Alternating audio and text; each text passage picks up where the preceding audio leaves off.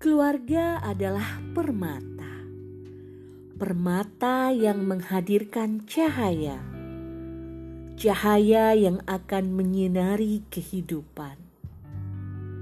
Sudahkah kita menjaga permata kita, menghadirkan cinta dan kasih sayang untuk keluarga kita?